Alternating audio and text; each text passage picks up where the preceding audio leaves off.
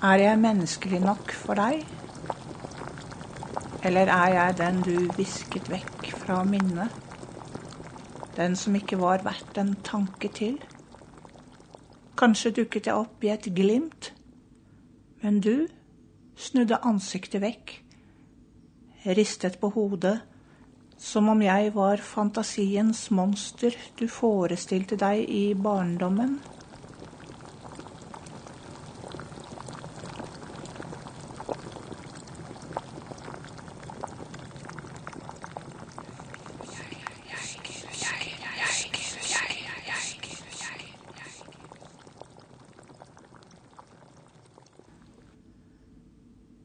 Jeg står her i leiligheten, omgitt av reminiscenser.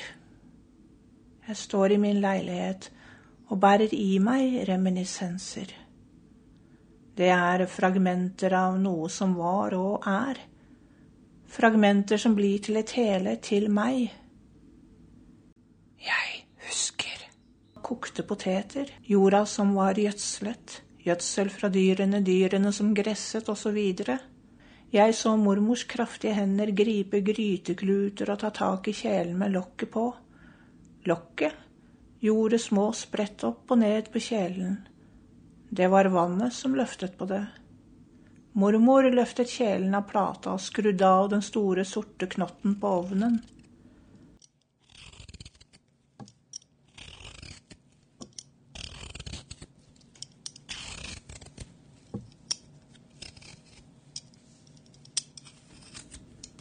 Morfar plukket og skrellet potetene. Fins det noe som er så usigelig kjedelig som å skrelle poteter? Men det var ikke middag om det ikke var poteter. En middag var poteter. Var det ikke poteter, da var det noe annet.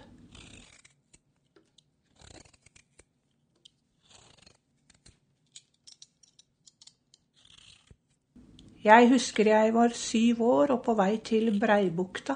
Breibukta var en strand. Jeg måtte ikke gå langt, men måtte gå på en asfaltert vei. Forbi noen røde hytter. Over en kurist. En kurist. Lenge siden jeg har sett. Gjennom en skog. Forbi telt. Ja, de var firkanta og hadde plastvinduer. Inni teltene var det rom. Det var som hus som kunne slås opp og ned. Slås opp og ned, men med mye sverting og banning. Forbi teltene kom jeg til stranda, som var omgitt av svaberg på hver sin side.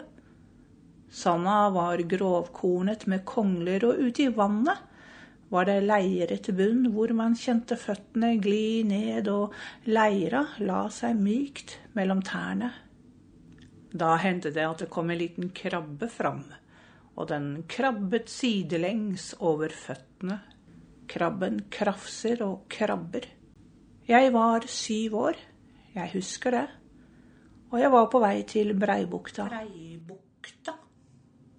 Breibukta, Breibukta, Breibukta, Breibukta, Breibukta, Breibukta, Breibukta,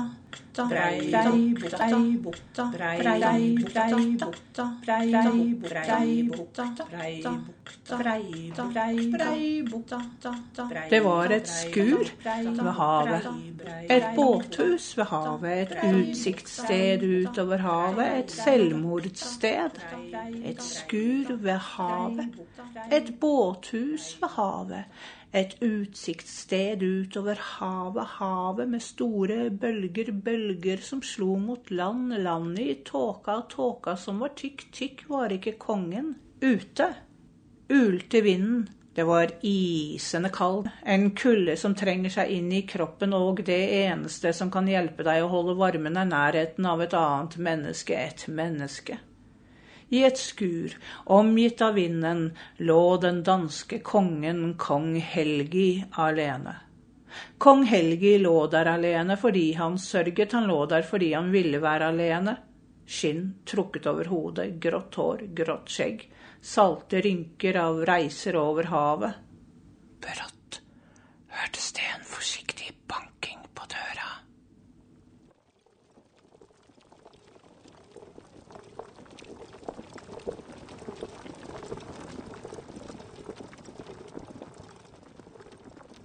Brått hørte jeg noen rope på meg.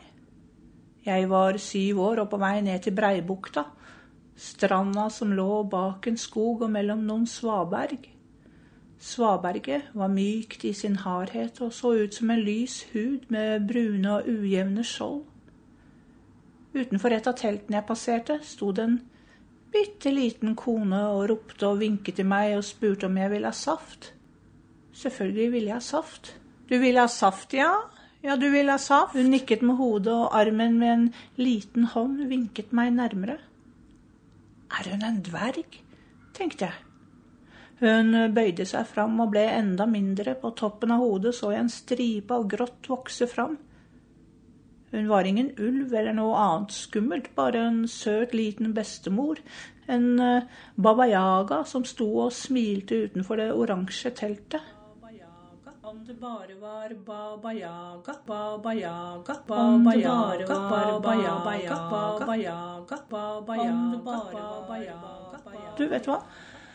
Nå har jeg stått her så lenge, for dette opptaket må jo gjøres om og om og om, om igjen. Jeg strekker meg litt bort fra mikrofonen. Nå skal jeg strekke meg litt. Og du kan jo få lov til å strekke deg, du også. Eh, nå blir det litt sånn lyder, uh, lyder, rundt her, men det får jo så være. Jeg sitter faktisk ikke på badet i dag. Jeg sitter på kontordelen min, så man hører litt sånn lyder utenfra.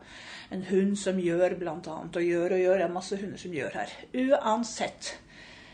Eh, strekk begge armene fram rett fram framfor deg med håndflatene ned. Så lar du venstre hånd gripe om høyre hånd, slik at den venstre tommelen er under håndflata på, på høyre hånd.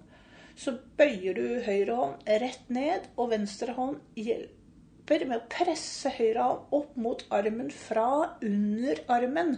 Og da kjenner du det strekke hele armen. Og, og så gjør du det motsatte. Høyre hånd griper om venstre griper om venstre og presser ned så du strekker. Sånn, ja. Bra. Jeg husker. Hvem der? I skuret ved havet, i båthuset ved havet. Kong Helgi tenkte at eh, det var jo ikke særlig kongelig å la en stakkar bli der ute når han kunne tilby ly. Hvem der? Kong Helgi steg opp, det knirket i den kalde kroppen hans, han gikk og åpnet døra, utenfor i blåsten, vinden, sto den fattige og fillete kvinne med store, mørke øyne som så på han og sa, Vel, har du nå gjort, konge? Hennes føtter var uten dekke, og de var skitne og sårede. Hun hadde skorper over armene som om dyr og insekter hadde klort og stukket henne i ansiktet. Ved nesa var det et sår hvor det lekket verk fram fra under sårskorpa. Kvinnen smatt inn i skuret som en rask skygge uten at kong Helgi fikk stoppet henne eller snakket med henne først.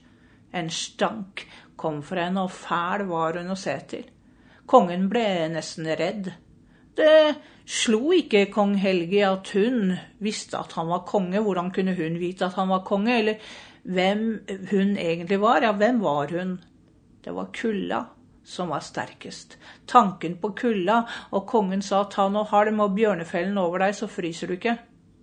Hun stirret på kongen, antydet en ristning på hodet. Lån meg senga di, herre, for jeg vil hvile hos deg, konge. Livet mitt er avhengig av det kongen Helgi, som både var mann og konge, sa ah, jeg har ikke lyst til dette. Eh, men om det er slik som du sier, så legg deg ved sengestokken i klærne dine. Det vil jo ikke skade meg. Jeg må være alene. Jeg sørger. Jeg må være alene. Jeg husker, jeg husker, jeg husker.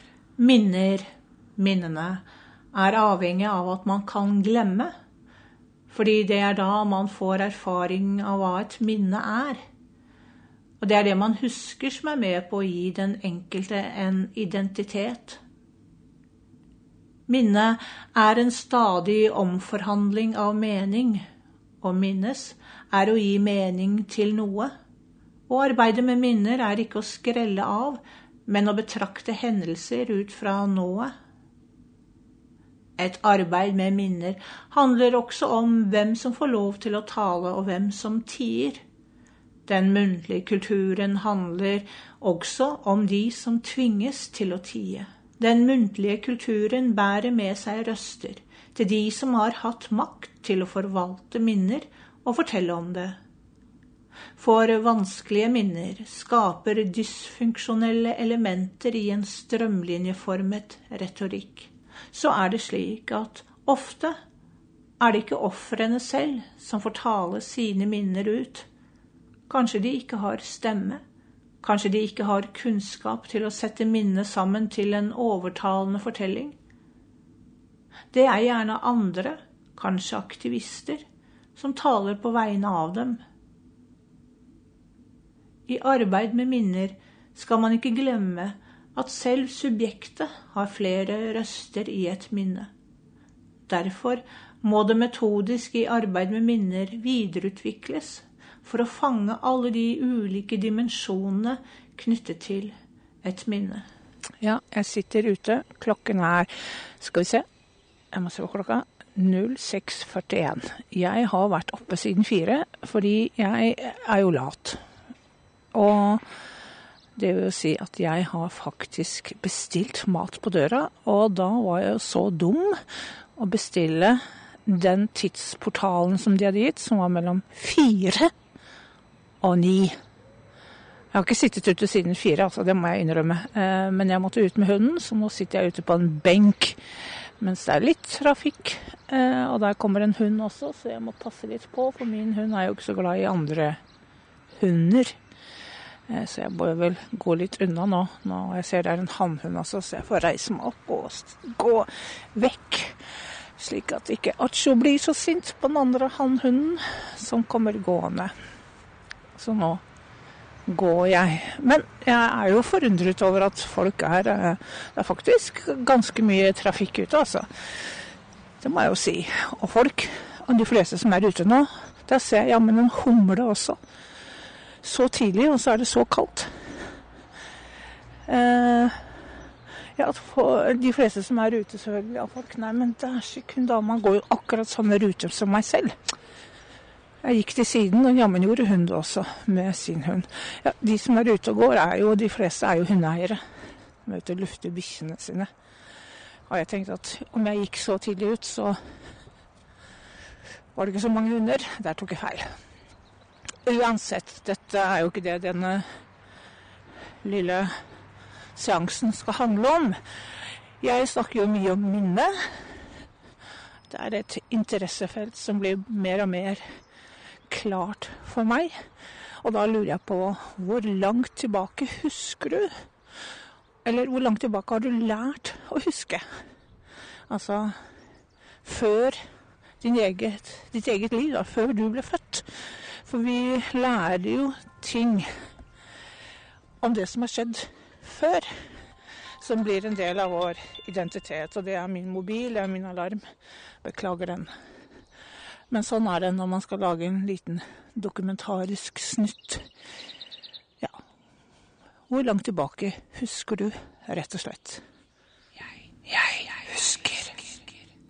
Breibukta.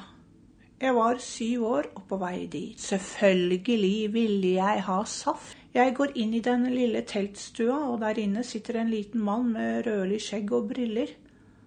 Han har en kort, syntetisk shorts på seg, og en trøye som kalles brynjetrøye, du vet, en slik med mange hull. En slik trøye hadde han på seg. Den skulle egentlig ha vært hvit. Han sitter ved et rundt, hvitt plastikkbord og ruller seg en petterød.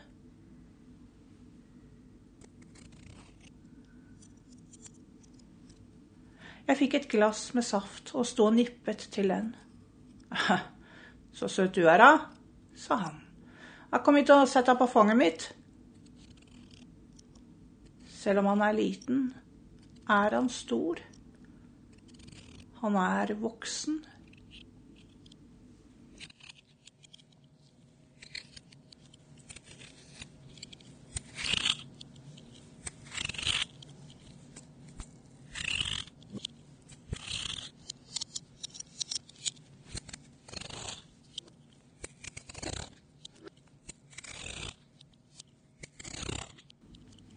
I skuret ved havet, I båthuset ved havet, de to, konge og en fattig kvinne. Kvinnen krøp opp i kongens seng.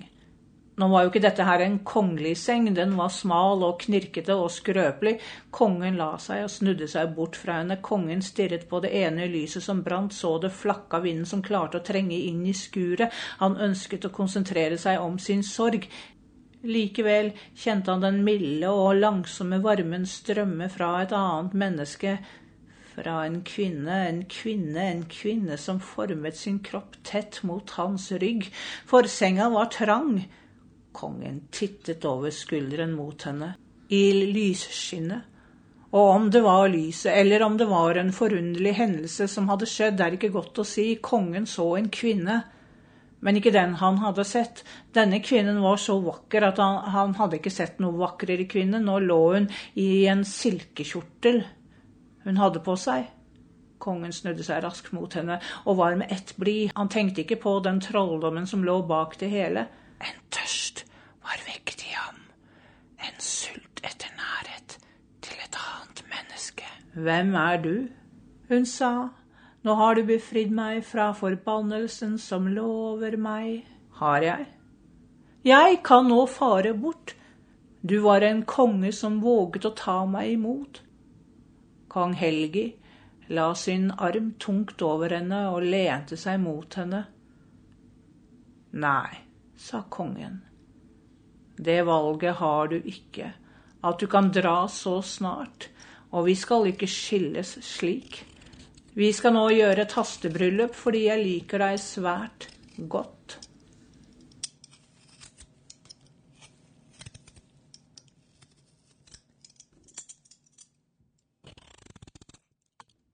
Ikke ofrene selv som får tale sine minner ut.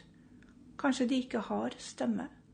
Kanskje de ikke har kunnskap til å sette minnet sammen til en overtalende Jeg turte ikke annet enn å sette meg på den skjeggete mannens fang. Jeg krøp opp på hans fang. Han blåste røyken opp i ansiktet mitt, og jeg hosta. Kona lo hjertelig, lo hjertelig og nikket med hodet, nikket med som, hodet tegn på at dette var en, var en god idé. Hans sommersvette hånd strøk meg på låret. Jeg var syv år gammel og stivnet. Glasset i hånda begynte å skvalpe, og underleppa mi tok til å skjelve. Så tok han saftglasset ut av min hånd og satte det på det hvite bordet. Breibukta, Breibukta, Breibukta, Breibukta, Breibukta, Breibukta, Breibukta, Breibukta. I skuret ved havet, i båthuset ved havet, kongen likte henne svært godt. Det er de som bestemmer, herre, sa hun redd. Kongen voldtok henne den natten. Kongen elsket hardt i sin smale seng. Han elsket henne så senga nesten falt sammen. Hadde det ikke vært for den ulende vinden og kulda som holdt folk inne, ville de som kom forbi, hørt den sørgelige senga og kongens heftige og dype stønn. Kvinnen var tynn og sped og tidde stille.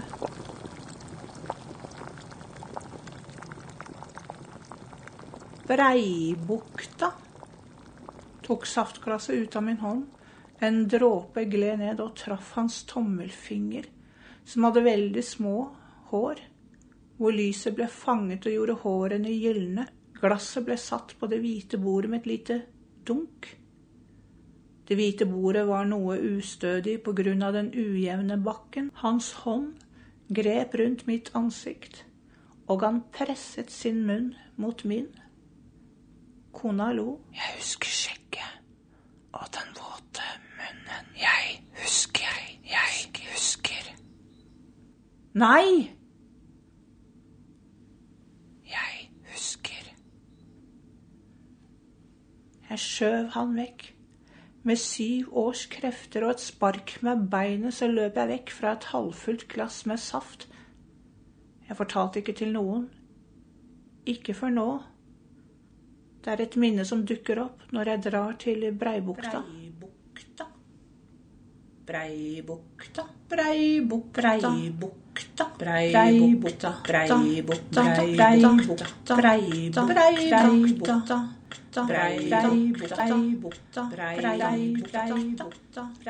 Fornaldersaga er noe av det mindre kjente materialet fra norrøn diktning.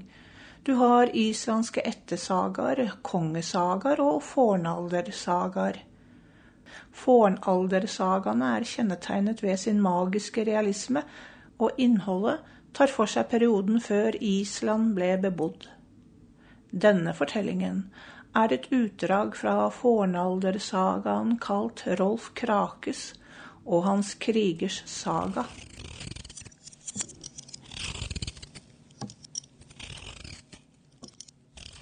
Da morgenen kom, sa hun, du har nå gjort det du ville med meg, mot min vilje. Det vil koste deg dyrt. Du skal vite at vi får barn. Du har en sønn som snart blir konge etter deg. Dette blir ditt andre barn. Ikke glem at du har et barn til. Gjør nå som jeg sier, konge, jeg ber deg. Besøk barnet vårt neste vinter i båthuset ditt. Ellers vil du måtte betale om du ikke gjør det. Barnet trenger å vite hvor det kommer fra.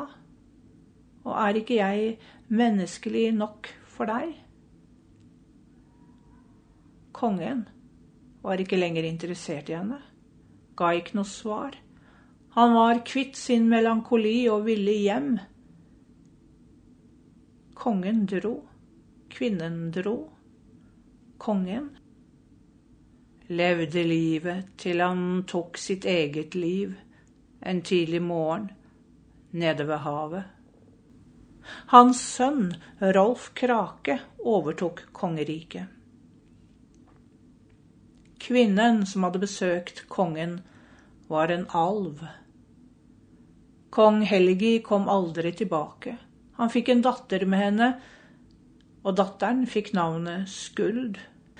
Det ble sendt bud til kongen om barnet, men han overså det, som om det var et insekt han viftet bort. Som hevn på at han aldri tok seg av datteren eller så etter henne, førte Skuld en hevnsterk kamp mot den nye kongen, Helges sønn Rolf Krake. Datteren, Skuld, iførte seg en monsterhet som skulle plage kongeriket i lang tid. Hvor mange menn prøvde ikke å kjempe imot? Alle måtte de bøte med livet. Vinner du over et monster, blir du en helt som vil minnes i ettertid og moderniseres og populariseres. Vinner du ikke, blir du en bisetning. Et minne om monsteret ble overført til et annet, enda mer kjent litterært verk. Men da ble kvinnen, det kvinnelige monsteret, omgjort til en mann. Verket har navnet Beowulf.